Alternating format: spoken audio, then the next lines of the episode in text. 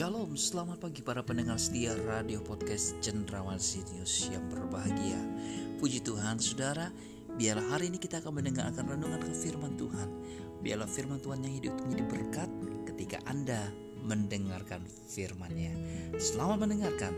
Tuhan Yesus memberkati Anda.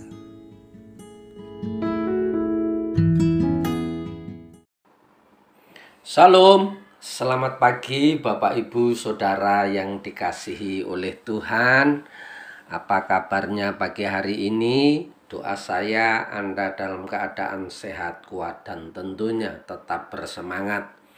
Kembali saya Pendeta Samuel sharing kebenaran firman Tuhan yang saya ambil di dalam kisah para rasul 1 ayat 9, 10, dan 11 Demikian firman Tuhan itu. Sesudah ia mengatakan demikian, terangkatlah ia disaksikan oleh mereka dan awan menutupnya dari pandangan mereka.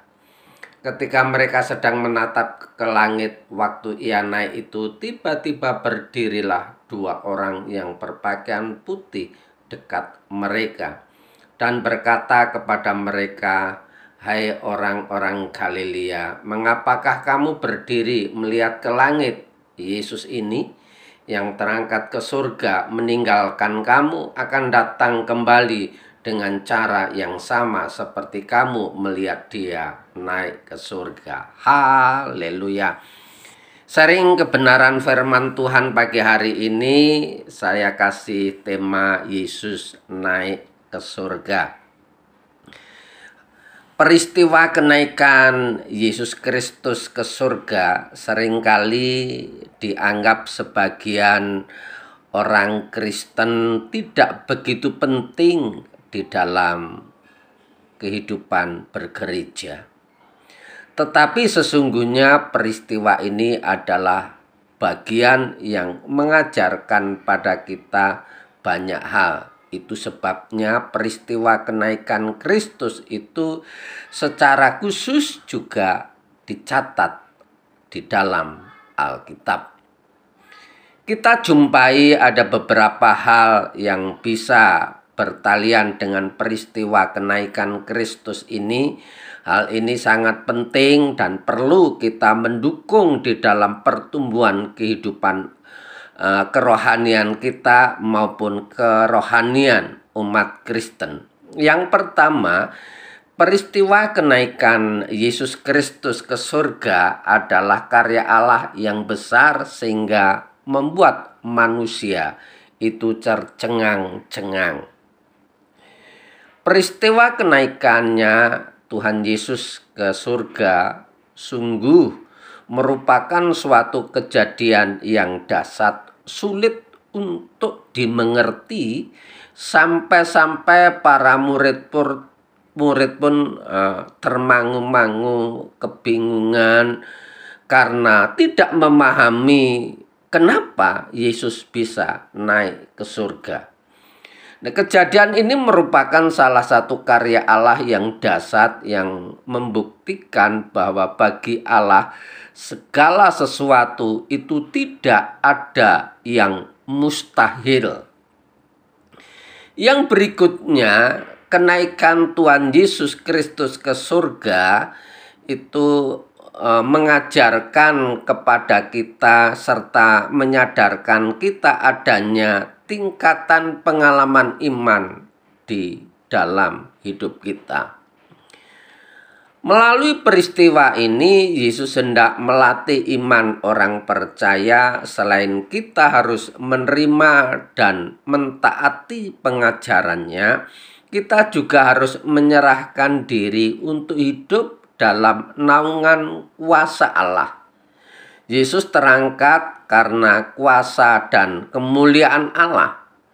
Itu membuktikannya bahwa kita, Allah kita, itu maha kuasa. Yesus itu maha kuasa. Sementara kita sendiri sangat memerlukan kuasa Allah itu agar hidup kita senantiasa dikuduskan dan mendapat akan dan bisa menjadi saksi Kristus yang efektif. Yang berikutnya, peristiwa kenaikan Kristus ke surga itu sekaligus menantang kita untuk sebuah tugas, sekaligus jaminan penghiburan dengan tujuan yang pasti.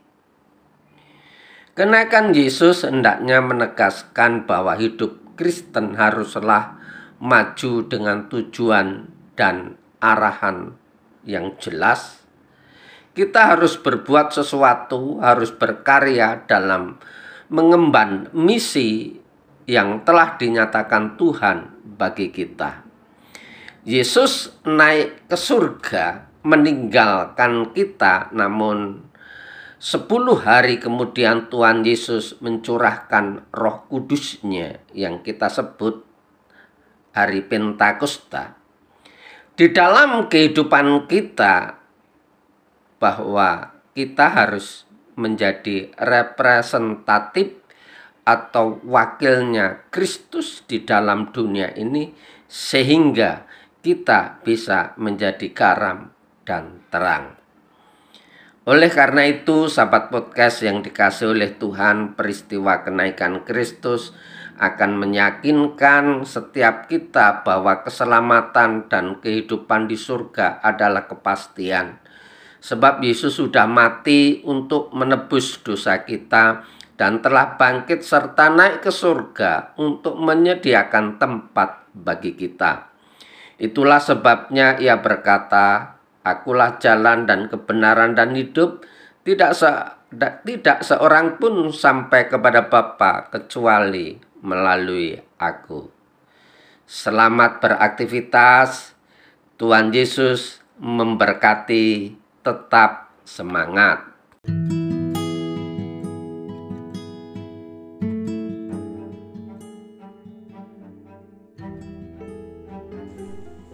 Terpujilah bagi nama Tuhan.